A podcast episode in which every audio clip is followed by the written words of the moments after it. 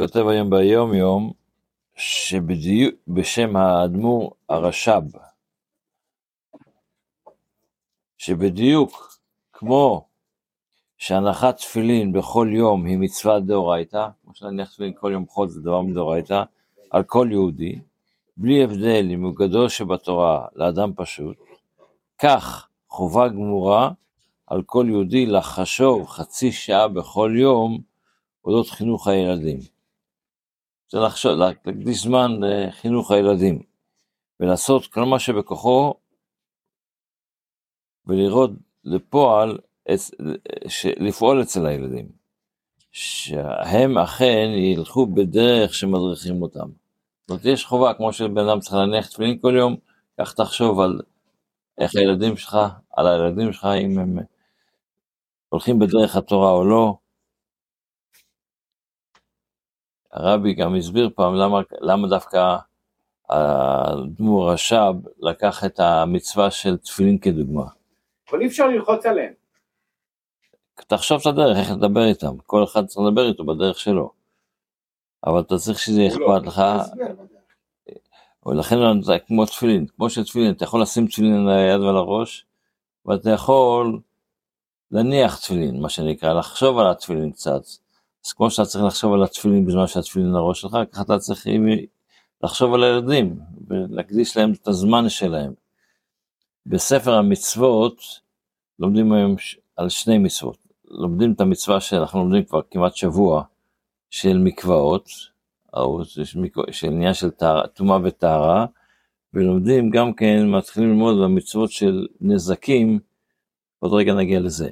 אז במצווה של אה, מקוואות, או טהרה, לומדים, אלה שלומדים את היד החזקה, לומדים את הפרק ה-11, שזה הפרק האחרון של אה, מקוואות, ושם דנים בשאלה של נטילת ידיים.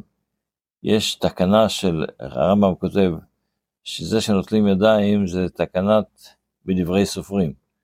אבל צריך, כשנוטלים ידיים, בזמן הרמב"ם היה, שנוטל ידיים נוטל פעם ועוד פעם, או פעם בסרגים, אבל פעם ועוד פעם.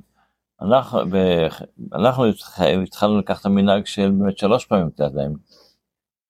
אבל בזמן הרמב"ם, נטילת ידיים הייתה פעם. כן זה הדבר הרש"ב. כן, כן. אבל למה, הרמב"ם מסביר למה פעמיים, כי כשנוטל פעם אחת נשאר המים, המים, הידיים טמאות, אתה רוצה, נוטל ידיים, אז נשאר מים הטמאים עדיין על היד. לכן אתה תסתכל פעם שנייה להוריד את המים הטמאים מהיד. האדמו"ר הרש"ב יוסיף שצריך שלוש פעמים בגלל אותו, אותו רעיון, רק לעומק יותר. כן. וזה וזה מצווה אחת שלומדים, זה המצווה שאנחנו על מקווה, ואחרי זה גם לומדים את המצווה הרי"ז, שזה כבר מדבר על דינים של נזקים. והנזקים שלומדים זה המצווה של שור שנגח. הציווי שנצטווינו לדון בדין השור, שאומרו איתה כמו שכתוב בתורה, כי יגח שור איש את שור רעהו, או אה, וכל הפרטים של זה מופיעים בששת הפרקים הראשונים של מסכת בבא קמא. זה בספר המצוות.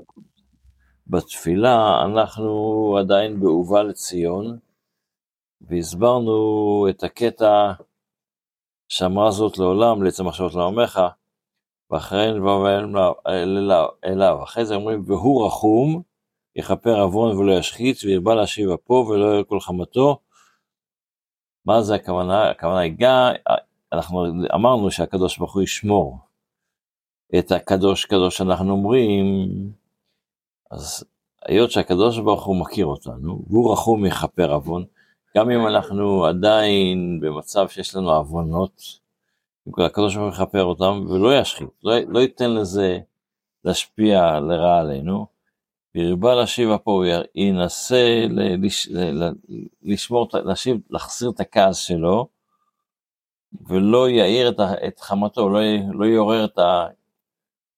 שלו. אין דבר יקרא עשבים, את חמתו.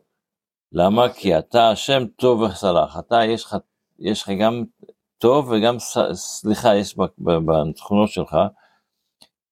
ולכן, ורב חסד לכל קוראיך, בגלל שאנחנו מתפללים אליך וקוראים לך קדוש, קדוש, קדוש, אנחנו- אז אנחנו אומרים, אז הקדוש ברוך הוא בשביל זה עצמו יוותר לנו גם אם אנחנו פושעים וחטאים.